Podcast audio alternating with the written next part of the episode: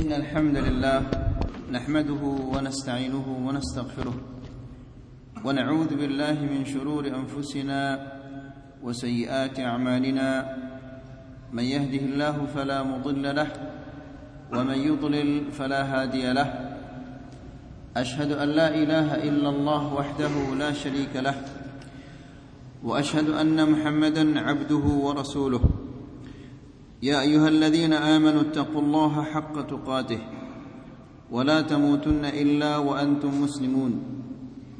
يا أيها الناس اتقوا ربكم الذي خلقكم من نفس واحدة وخلق منها زوجها وبث منهما رجالا كثيرا ونساء واتقوا الله الذي تساءلون به والأرحام إن الله كان عليكم رقيبا. يا أيها الذين آمنوا اتقوا الله وقولوا قولا سديدا. يصلح لكم أعمالكم ويغفر لكم ذنوبكم ومن يطع الله ورسوله فقد فاز فوزا عظيما. أما بعد فإن أفضل الكلام كلام الله وخير الهدى هدى محمد صلى الله عليه وسلم فشر الأمور محدثاتها فإن كل محدثة بدعة.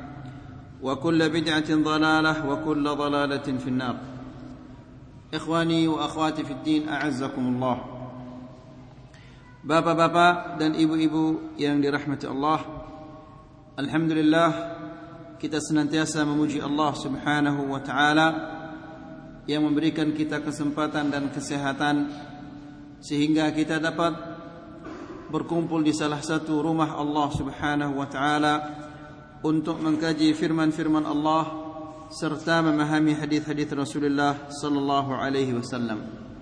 Ikhwani fi din a'azzakumullah.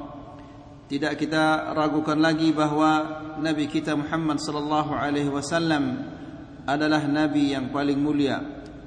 Nabi yang paling afdal di sisi Allah Subhanahu wa taala.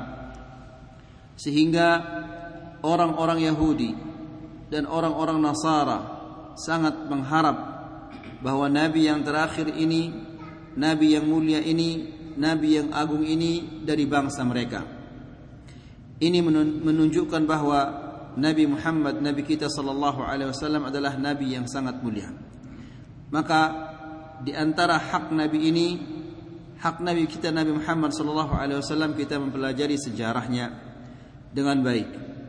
Jadi ikhwani fi din azakumullah Jangan begitu kajian tentang sirah Rasulullah sallallahu alaihi wasallam ini selesai jangan antum tidak lagi membacanya di rumah atau membeli kitab-kitab yang berkaitan yang berbicara tentang sejarah perjalanan kehidupan Nabi kita Muhammad sallallahu alaihi wasallam. Ikhwani fid din a'azzakumullah. Pada pertemuan yang sudah lewat kita menjelaskan meskipun Rasulullah sallallahu alaihi wasallam penyakitnya begitu keras namun dia selalu menjaga solat. Dan ketika tiba solat isya dia mandi.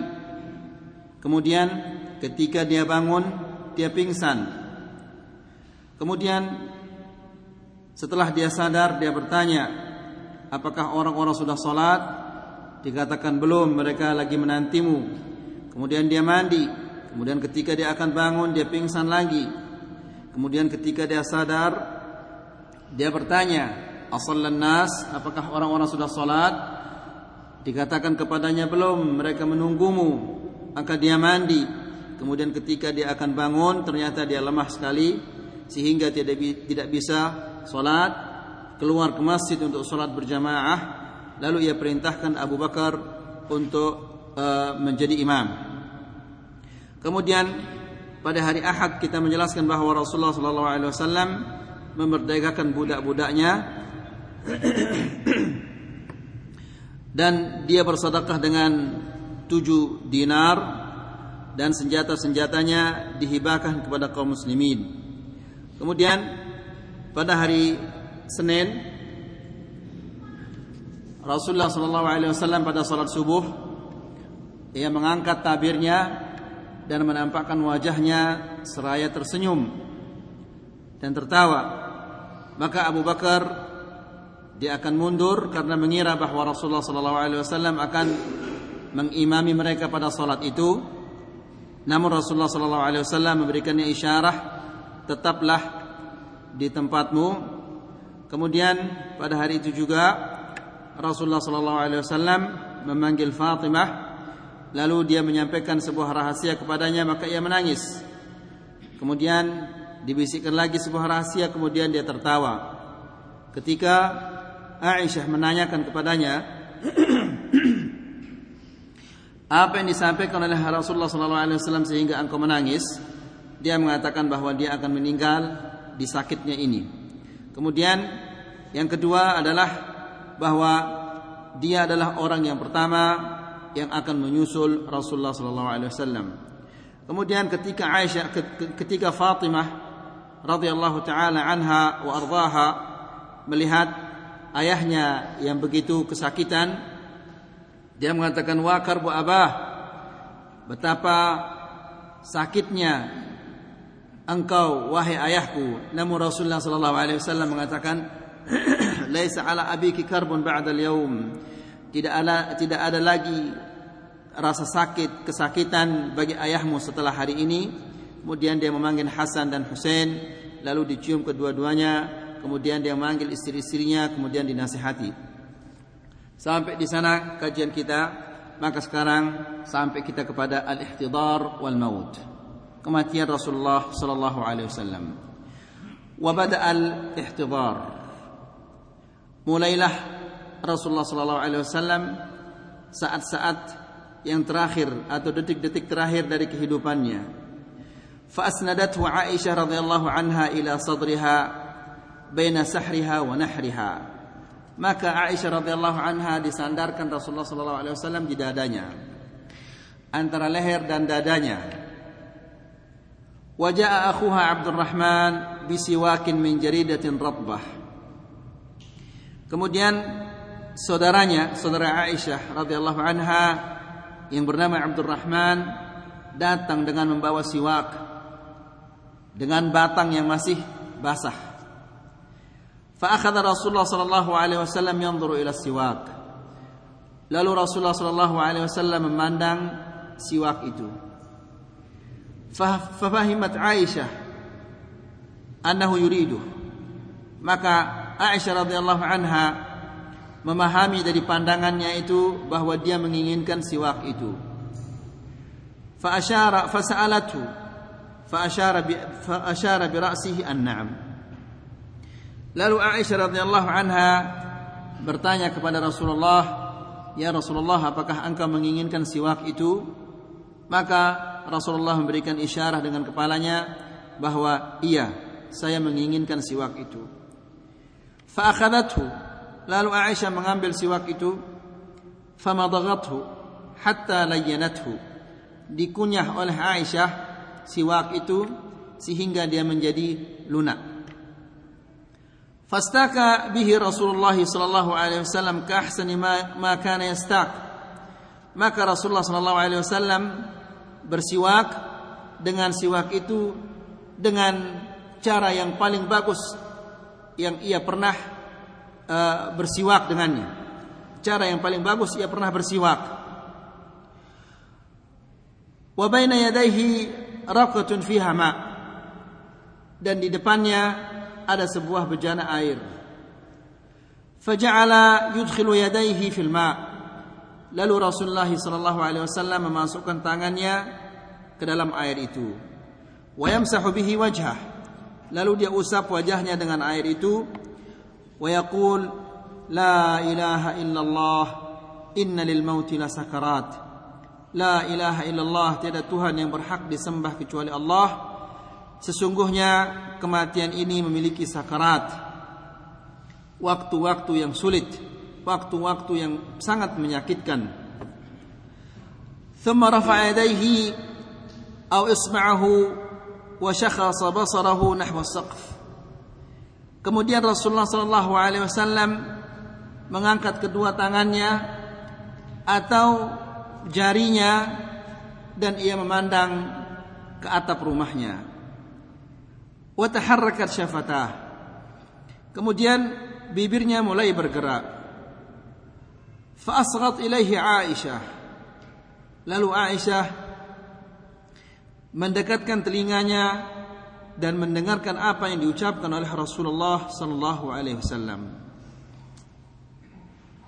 Maka fasami'athu yaqul maka dia mendengar Rasulullah sallallahu alaihi wasallam mengatakan مع الذين أنعم الله عليهم من النبيين والصديقين والشهداء اللهم اغفر لي وارحمني وألحقني بالرفيق الأعلى اللهم الرفيق الأعلى Aisyah radhiyallahu anha mendekatkan telinganya dan mendengarkan apa yang diucapkan oleh Rasulullah sallallahu alaihi wasallam. Dia mengatakan, "Ya Allah, bersama orang-orang yang engkau berikan karunia bersama nabiyin para nabi dan orang-orang siddiq dan para syuhada dan orang-orang salihin lalu dia mengatakan Allahumma ighfirli warhamni wa alhiqni birrafiqil a'la. Ya Allah ampunilah dosa-dosaku. Ya Allah rahmatilah aku. Dan gabungkanlah aku dengan kekasih yang paling tinggi. Allahumma rafiqil a'la. Ya Allah gabungkanlah aku dengan kekasih yang paling tinggi. Wa karrara kalimat al-akhirata thalathan. Kalimat yang terakhir ini yaitu Allahumma rafiqil a'la ini diulang oleh Rasulullah sallallahu alaihi wasallam tiga kali. Wafadat ruhuhu. Setelah Rasulullah sallallahu alaihi wasallam mengucapkannya tiga kali keluarlah ruhnya Rasulullah sallallahu alaihi wasallam. Wa malat yaduhu.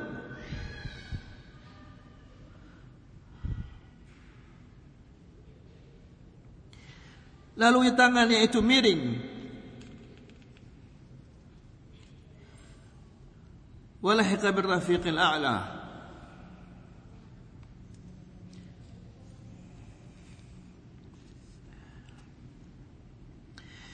وذلك يوم الاثنين الثاني عشر من ربيع الأول Kematian Rasulullah sallallahu alaihi wasallam pada hari Senin tanggal 12 Rabiul Awal tahun 11 Hijriyah. Hina ishtadda dhuha ketika waktu duha sudah tinggi. Waqad tamma lahu 63 sanah. dan Rasulullah Shallallahu Alaihi Wasallam telah menyempurnakan 63 tahun. Fa inna lillahi wa inna ilaihi raji'un. Hiratus sahabah wa mauqif Abi Bakar. Kebingungan para sahabat dan sikap Abu Bakar. Wa tasarraba al-khabaru baina as-sahabati khilal lahadhat. berita kematian Rasulullah Shallallahu Alaihi Wasallam dalam waktu yang singkat menyebar di tengah kalangan para sahabat. Fa'adlamat alaihimud dunya. Dunia seolah-olah menjadi gelap. Wakadu yafqiduna wa'yahum. Dan hampir mereka tidak sadar diri.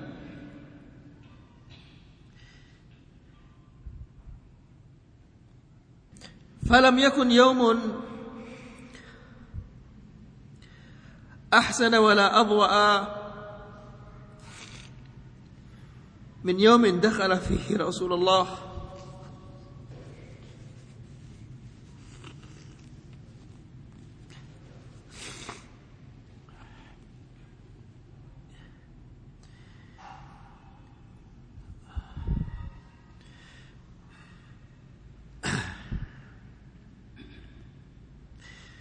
Tiada hari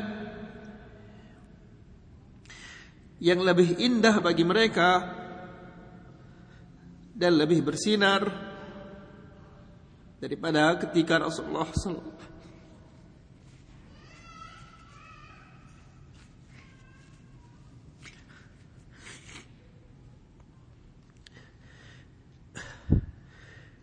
Tiada hari yang lebih indah bagi mereka dan lebih bersinar daripada ketika Rasulullah sallallahu alaihi wasallam datang ke kota Madinah. Walam yakun yawmun adlama wala aqbaha min yawmi ma mata Rasulullah sallallahu alaihi wasallam. Dan tidak ada hari yang lebih gelap, lebih jelek daripada hari kematiannya Rasulullah sallallahu alaihi wasallam. Wa kana lahum dajijun ka dajijil hujjaj min al-buka. Dan mereka suara mereka membuat kegaduhan seperti gaduhnya jamaah haji karena mereka semua menangis. وقام عمر بن الخطاب رضي الله عنه في المسجد Lalu Umar bin Khattab radhiyallahu anhu berdiri di tengah masjid dan dia mengatakan Inna Rasulullah sallallahu alaihi wasallam lam yamut. Rasulullah sallallahu alaihi wasallam belum mati. Wala yamutu hatta yufni Allahu al-munafiqin. Dan Rasulullah sallallahu alaihi wasallam tidak akan mati sampai Allah Subhanahu wa taala memusnahkan orang-orang munafikin. Wa akhadha yatawa'adu bil qat'i wal qatli man yaqulu innahu mat. Kemudian Umar bin Khattab radhiyallahu anhu mengancam akan memotong dan membunuh orang-orang yang mengatakan bahwa Rasulullah sallallahu alaihi wasallam telah meninggal. والصحابة حوله في المسجد حائرون مندهشون dan para sahabat berada di sekitar Umar bin Khattab radhiyallahu anhu mereka bingung mereka tercengang semuanya. Wa kana Abu Bakr radhiyallahu anhu qad kharaja ila maskanihi bis-sulh. Hina ra'a al-khiffata fi maradihi sallallahu alaihi wasallam sabahan. Dan Abu Bakar telah keluar menuju tempat tinggalnya di sebuah desa yang namanya As-Sunh. Ketika ia melihat bahwa Rasulullah sallallahu alaihi wasallam ada mulai membaik di pagi harinya, dia melihat Rasulullah sallallahu alaihi wasallam mulai membaik, maka ia pergi ke tempat tinggalnya di As-Sunh. Falamma tufiya Rasulullah sallallahu alaihi wasallam aqbala Abu Bakr ala dabati hatta nazal. Setelah Rasulullah sallallahu alaihi wasallam meninggal dunia, Abu Bakar ini datang dengan membawa kendaraannya lalu dia turun fadakhala masjid. Kemudian dia masuk ke masjid. Falam yukallimin nas. Dia tidak mengajak siapa-siapa berbicara hatta dakhala ala Aisyah. Dia langsung masuk ke rumahnya Aisyah. Faqasada Rasulullah sallallahu alaihi wasallam dan dia langsung menuju di mana Rasulullah sallallahu alaihi wasallam jasadnya sedang berbaring. Wa huwa musajjab bi burdatin habirah. Dan Rasulullah sallallahu alaihi wasallam ditutupi dengan selimut. Fakashafa wajhahu. Lalu ia menyingkap wajahnya Rasulullah sallallahu alaihi wasallam. Faqabbalahu wa baka. Kemudian dia mencium Rasulullah sallallahu alaihi wasallam dan menangis. Thumma lalu dia mengatakan bi abi anta wa ummi. Engkau setara dengan ayah dan ibuku. La yajma'u Allah 'alaika mautatain Allah tidak akan mengumpulkan untukmu dua kematian. Amma al-mautata allati kutibat 'alaika faqad mittaha.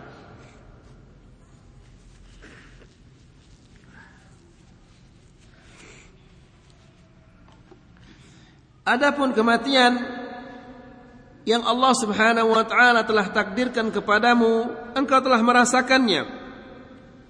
Thumma kharaja faqal. Kemudian dia keluar dan mengatakan, "Ijlis ya Umar.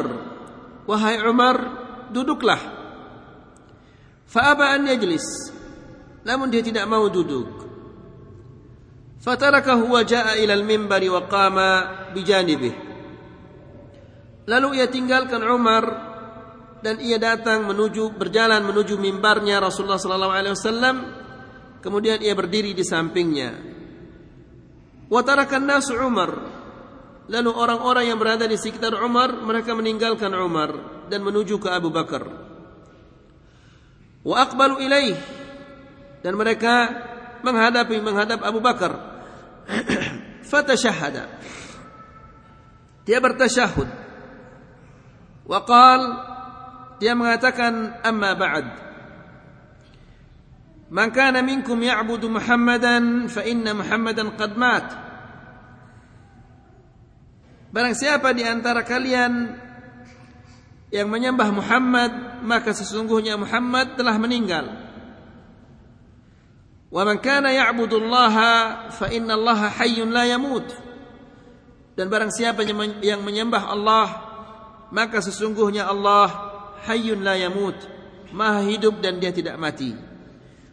Qala Allah taala Allah subhanahu wa taala berfirman wa ma muhammadun illa rasul qad khalat min qablihi ar-rusul. Afa in mata aw qutila anqalabtum ala a'qabikum man yanqalib ala aqibaihi falan yadurra Allah syai'a Tidaklah Muhammad itu melainkan seorang rasul yang telah datang sebelum sebelumnya rasul-rasul. Apabila ia mati atau ia terbunuh apakah kalian akan mundur? Artinya kembali lagi ke kufuran wa man yanqalib ala aqibai dan barang siapa yang mundur falan yadurrallaha syai'a. Dia tidak akan memudaratkan Allah Subhanahu wa taala. Wa sayajzillahu syakirin dan Allah Subhanahu wa taala akan membalas orang-orang yang bersyukur kepadanya. Qala Ibn Abbas Ibn Abbas mengatakan Fawallahi Laka'anna an-nasa Lam ya'lamu anna Allah Anzala hadhil ayah. Demi Allah Seolah-olah Orang-orang ini mereka tidak mengetahui bahwa Allah Subhanahu wa taala telah menurunkan ayat ini ini saking terkejutnya mereka, saking sedihnya mereka atas kematian Rasulullah sallallahu alaihi wasallam. Sehingga Umar bin Al-Khattab radhiyallahu taala anhu ardah orang yang begitu tegas, begitu tegar, begitu kuat pada hari kematian Rasulullah sallallahu alaihi wasallam ini dia bisa rapuh seperti itu sehingga dia tidak mempercayai kalau Rasulullah sallallahu alaihi wasallam sudah meninggal dunia. Bahkan lebih dari itu dia mengancam akan memotong dan membunuh siapa-siapa yang mengatakan bahwa Muhammad telah meninggal. Sehingga mereka dibacakan ayat ini oleh Abu Bakar radhiyallahu taala anhu. Dan begitu mereka mendengar ayat ini, Ibn Abbas menggambarkan keadaan mereka dia mengatakan seolah-olah mereka tidak mengetahui bahwa ayat ini telah diturunkan oleh Allah Subhanahu wa taala. Hatta talaha Abu Bakrin fatalaqaha minhu nas sehingga Abu Bakar membacanya dan orang-orang menerima darinya ayat ini. Jadi seolah-olah tidak pernah dibaca, seolah-olah tidak pernah didengar sampai mereka mendengarnya dari Abu Bakar. Fama asma' basharan minan nas, fama asma'u basharan minan nas illa yatluha. Aku tidak mendengar seseorang yang berada di tempat itu melainkan dia membaca ayat ini. Wa ma Muhammadun illa rasulun qad khalat min qablihi rusul dan seterusnya. Qala Umar Umar mengatakan, "Fa wallahi ma huwa illa an sami'tu Abu Bakr talaha fa'araftu annahu al-haq. Demi Allah, begitu aku mendengar Abu Bakar membacanya, maka aku mengetahui bahwa itu adalah benar. aku mengetahui bahwa Rasulullah sallallahu alaihi wasallam telah meninggal dunia dengan benar. Faqirt, yani saya jatuh. Hatta ma tuqilluni rijlai. Sehingga aku tidak bisa ditampung oleh kedua kakiku, yakni kakinya lemas. Begitu dia menyadari bahwa Rasulullah sallallahu alaihi wasallam benar-benar meninggal. Wa hatta hawaitu ila al-ard sehingga aku terjatuh wa araftu annahu qad mat dan aku menyadari dia telah meninggal. Ikhtiar Abi Bakr khilafatihi sallallahu alaihi wasallam. Pemilihan Abu Bakar untuk menjadi khalifah setelah Rasulullah sallallahu alaihi wasallam. Wa kana ahammu qadiyatin رسول الله صلى الله عليه وسلم هو اختيار أمير يقوم مقامه صلى الله عليه وسلم في إدارة شؤون العباد والبلاد perkara yang paling penting setelah kematian Rasulullah sallallahu alaihi wasallam yaitu memilih seseorang yang akan menjadikan yang akan menjadi pengganti pengganti Rasulullah sallallahu alaihi wasallam untuk mengatur negara ini dan mengatur hamba-hamba Allah yang berada di negara ini. Wa kana Ali bin Abi Talib radhiyallahu anhu yara annahu ahaq bil khilafah. Dan Ali bin Abi Talib radhiyallahu anhu dia merasa bahwa dirinya lah yang paling berhak untuk menjadi khalifah liqarabatihi minhu karena begitu dekatnya dia dengan Rasulullah sallallahu alaihi wasallam dari segi kekeluargaannya. Fajtama'a huwa wa Zubair wa rijalun min Bani Hashim fi bait Fatimah radhiyallahu anha. Maka berkumpullah Ali bin Abi Thalib dan Az-Zubair dan beberapa orang-orang dari Bani Hashim di rumahnya Fatimah radhiyallahu anha. Wajtama'a al-ansar fi saqifati Bani Sa'idah. Lalu orang-orang al-ansar juga berkumpul di saqifati Bani Sa'idah. Saqifah yakni apa? Bahasa Sasak mungkin berbalik. Antum berbalik? Ya? Iya, yani tempat beratap seperti itu. Liyakhtaru amiran minhum. Mereka berkumpul di Saqifah Bani Sa'idah ini untuk mengangkat seorang pemimpin dari kalangan mereka yakni dari kalangan Al-Ansar. Wajtama'a al-muhajiruna ila Abi Bakr wa Umar radhiyallahu anhu. Dan orang-orang muhajirin berkumpul bersama Abu Bakar dan Umar. Jadi bisa kita bayangkan bagaimana gentingnya di saat itu. Ya, kemudian berita kematian Rasulullah sallallahu alaihi wasallam ini juga sudah menyebar. Dan ini yang dinanti-nantikan oleh musuh-musuh Islam maka di saat itu harus segera mengangkat seseorang menjadi pemimpin untuk menggantikan Rasulullah sallallahu alaihi wasallam. Kemudian jadi ada tiga kelompok. Ada yang berkumpul bersama uh, Ali bin Abi Talib dan Az-Zubair di rumahnya Fatimah. Ada juga al-muhajir al-ansar di Saqifah Bani Sa'idah. Ada juga al-muhajirin yang berkumpul bersama Abu Bakar dan Umar. Yani ini adalah sesuatu yang sangat genting. Ada tiga kelompok.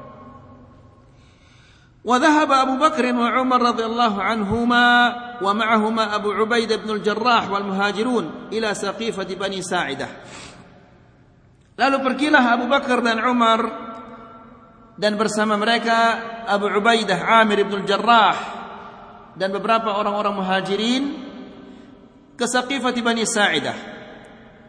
Fajara bainahum wa bainal ansari niqashun wa hiwar. Maka terjadilah diskusi antara mereka dan orang-orang Al-Ansar, Abu Bakar dan Umar dan Abu Ubaidah dan orang-orang Al-Ansar.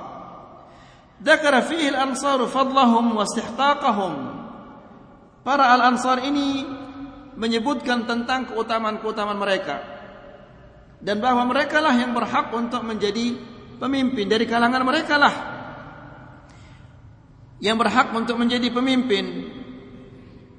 Faqala Abu Bakar lalu Abu Bakar radhiyallahu anhu mengatakan innama dzakartum min innama dzakartum min khairin fa antum ahla Sesungguhnya apa yang kalian sebut dari kebaikan-kebaikan kalian itu kalian memang berhak untuk menerima kebaikan-kebaikan itu. وما تعرف وما تعرف العرب هذا الأمر إلا لهذا الحي من قريش akan tetapi semua orang Arab ini mereka tidak mengetahui ada yang berhak untuk menjadi pemimpin kecuali dari suku Quraisy.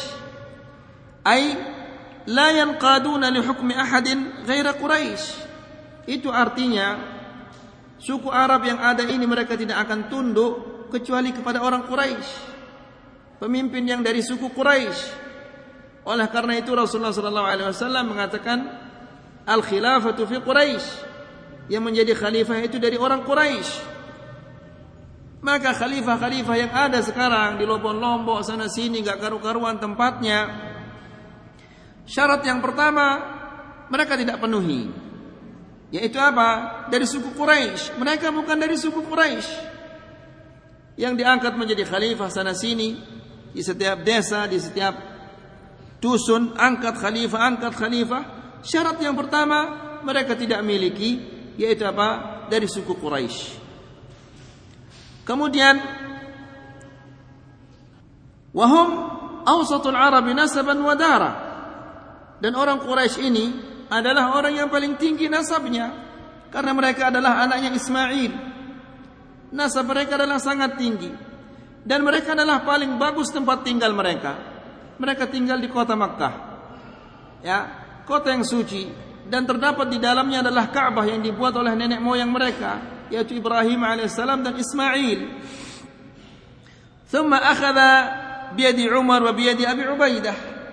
Lalu Abu Bakar memegang tangannya Umar dan tangannya Abu Ubaidah dan dia mengatakan qad raditu lakum ahad hadainir rajulain saya rela kalian mengangkat salah satu di antara kedua orang ini untuk menjadi khalifah faqala rajulun ansar Lalu salah seorang dari kalangan Ansar mengatakan, "Minna amirun wa minkum amir."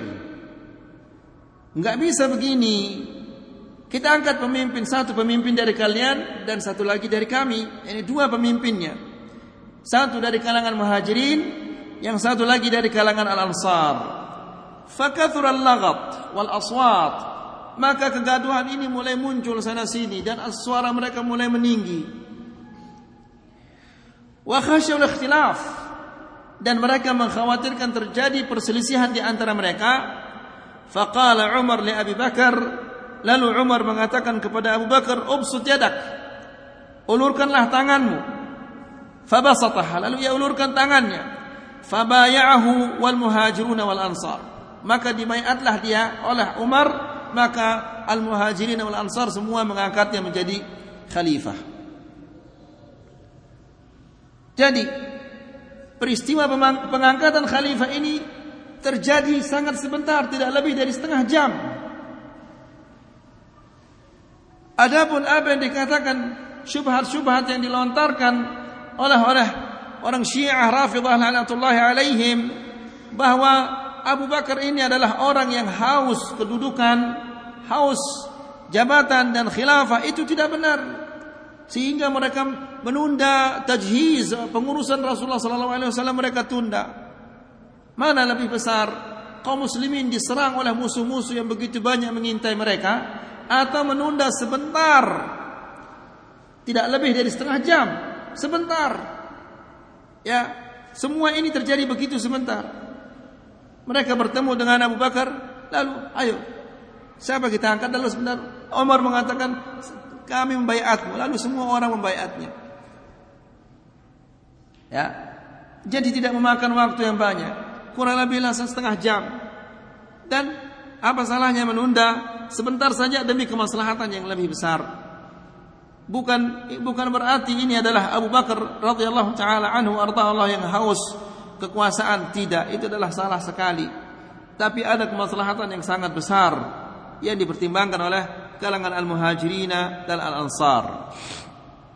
Jadi diangkatlah Rasulullah sallallahu diangkatlah Abu Bakar radhiyallahu taala anhu sebagai pengganti Rasulullah sallallahu alaihi wasallam. Kemudian at-tajhiz wa tawdi'ul jasad syarif ila al-ard. Tajhiz mempersiapkan dan uh, mempersiapkan jenazahnya Rasulullah sallallahu alaihi wasallam dan berpisah dengan jasadnya. Wa yaumul thulatha dan pada hari Selasa ghassalu Rasulullah sallallahu alaihi wasallam. Mereka memandikan Rasulullah sallallahu alaihi wasallam. Walam yujarriduhu min thiyabih. Dan mereka tidak membuka pakaiannya. Dan apa yang dilakukan oleh kebanyakan kaum muslimin yaitu menelanjangi jenazah itu kemudian aurahnya dilihat ini adalah sesuatu yang haram. Tidak boleh. Ya jenazah. Kaum muslimin orang muslim itu dia terhormat. Baik dia masa hidupnya maupun masa setelah dia meninggal. Tidak boleh ditelanjangi lalu ditonton aurat auratnya oleh orang banyak. Ya. Kalau mau memandikannya ditutup dulu aurahnya. Bagian surah sampai lututnya ini ditutup. Kemudian disiram. Kemudian apabila ingin dibersihkan maka dimasukkan tangannya tanpa dilihat. Ya Adapun praktek yang kita lihat adalah mereka ditelanjangi kemudian disiram kemudian digosok kemudian dilihat oleh orang banyak. Wah haram. Karena aurah seorang muslim adalah dia terhormat baik di masa hidupnya maupun dia setelah dia meninggal. Wa qama bi al-Abbas wa Ali dan yang memandikannya adalah Al-Abbas dan Ali. Wal Fadl wa Qutham ibna Al-Abbas dan Al-Fadl dan Qutham kedua-duanya adalah anaknya Al-Abbas. Wa Syaqran dan Syaqran maula Rasulullah sallallahu alaihi wasallam wa Usama bin Zaid juga Usama bin Zaid. Wa Aus bin Khawli dan Aus bin Khawli. Wa kana Al-Abbas wa ibnahu yuqal yaqlibani. Al-Abbas dan kedua anaknya ini yang membalik-balikkan Rasulullah sallallahu alaihi wasallam Wa Usama wa Syakran yasubban al-ma. Usama dan Syakran ini yang menuangkan air. Wa Aliun yaksilhu dan Ali yang menggosok-gosoknya. Wa Aus asnadahu ila sadrih dan Aus ini menyandarkannya ke dadanya ketika dibolak-balik. Wa qad ghassaluhu thalatha ghaslatin bima'in wa sidrin. Dan mereka menyiramnya tiga kali, tiga siraman dengan air yang bercampur dengan daun bidara. وكان الماء من بئر لسعد بن خيثمة بقباء Air yang digunakan untuk memandikan Rasulullah sallallahu alaihi wasallam itu diambil dari sumur yang dimiliki oleh seseorang yang bernama Sa'ad bin Khaythamah yang berada di Quba sumur ini. Yuqalu lahu al-ghars. Sumur ini mereka namakan al-ghars. Wa kana sallallahu alaihi wasallam yashrabu minha dan Rasulullah wasallam sering minum dari sumur ini. Kuffina fi thalathati athwabin bidin sahuliyah min kursuf. Dan Rasulullah sallallahu alaihi wasallam dikafankan dengan tiga kain dari sahuliyah yang ter, ter, yang dibuat di Sahul sebuah desa. Kursuf yang terbuat dari kapas. Laisa fiha qamisun wala imamah kafannya itu tidak ada kamis, tidak ada baju dan tidak ada apa? Sorban. Udrija fiha idrajan. Rasulullah sallallahu alaihi wasallam diletakkan di kafan itu kemudian kafannya dilipat. Maksudnya tidak ada baju yang dipakaikan. Ya, seperti yang kita lihat sekarang diguntingkan macam-macam aneh potongan-potongannya. Jadi Rasulullah sallallahu alaihi wasallam diletakkan di kafan itu kemudian kafannya yudraj idraj yakni dilipat dia dengan kain kafannya itu. Wa hafra Abu Talha qabrahu fil mawdi' alladhi tufiya fih. Dan Abu Talha yang menggali kuburnya di mana Rasulullah sallallahu alaihi wasallam meninggal. Jadi seorang nabi di mana dia meninggal di sanalah dia dikuburkan. Wa ja'ala al-qabra lahdan. Kemudian kuburnya ini dibikinkan dia lahat. Lahat adalah ada lubang yang di samping kiri di samping kiri kanan, di samping di kiri atau di kanannya kuburan itu namanya lahad. Kalau sebaliknya syak itu yang berada di mana? Di tengah-tengahnya. Thumma wudi'a sariruhu ala syafiril qabr. Kemudian ranjangnya atau tempat tidurnya Rasulullah sallallahu alaihi wasallam didekatkan dengan dengan lubang kuburannya. Wa awwalu man shalla afwan wa dakhala an-nasu arsalan fa 'ashara. Lalu orang masuk ke rumah ke tempat itu berkelompok-kelompok 10 10 10. Yusalluna 'alaihi afdhadan la ya'ummuhum ahad. Disolati oleh apa? Masing-masing tanpa diimami. Yang sepuluh itu masalat sendiri-sendiri, tidak ada yang mengimaminya. Wa awwalu man shalla alaihi ashiratah. Dan orang yang pertama yang menyolatinya adalah keluarga dekatnya. Thummal muhajirun. Kemudian orang-orang muhajirin. Thummal ansar. Kemudian orang-orang ansar. Thumma subyanu. Thumma nisa. Kemudian anak-anak. Kemudian para wanita awin nisa thumma subyan atau wanita-wanita kemudian anak-anak. Wantaha fi dhalika yaum thalatha wa mu'dhamu lailatul arbi'a. Dan semua itu diselesaikan pada hari Selasa dan sebagian dari malam Rabu penyelesaian jenazahnya Rasulullah sallallahu alaihi wasallam. Thumma anzalahu sallallahu alaihi wasallam fil qabri. Kemudian mereka menurunkan Rasulullah sallallahu alaihi wasallam di kuburnya. Wadafanuhu fi awakhiril laili sallallahu alaihi wasallam. Kemudian mereka menguburkannya di akhir malam sallallahu alaihi wasallam. Semoga Allah Subhanahu wa taala membalas Rasulullah sallallahu alaihi wasallam dengan semua kebaikan-kebaikan yang kita amalkan dan semoga kita dijadikan oleh Allah Subhanahu wa taala yang mencintainya dan menjalankan sunnah-sunnahnya sampai hari kiamat dan semoga kita dijadikan oleh Allah Subhanahu wa taala orang-orang yang minum di telaganya Rasulullah Shallallahu Alaihi Wasallam. Karena Rasulullah Shallallahu Alaihi Wasallam mengatakan barang siapa yang minum di telaga itu dia tidak akan merasakan kehausan selama lamanya Allahumma amin Allahumma amin innahu khairu ma'mul wa akramu mas'ul wa akhiru da'wana anil rabbil alamin. Maka dengan demikian selesailah kitab kita ini. Mungkin setelah kitab ini kita akan membaca kitab al-ikhlas yang dikarang oleh Syekh Hussein Al-Awaisyah wassalamualaikum warahmatullahi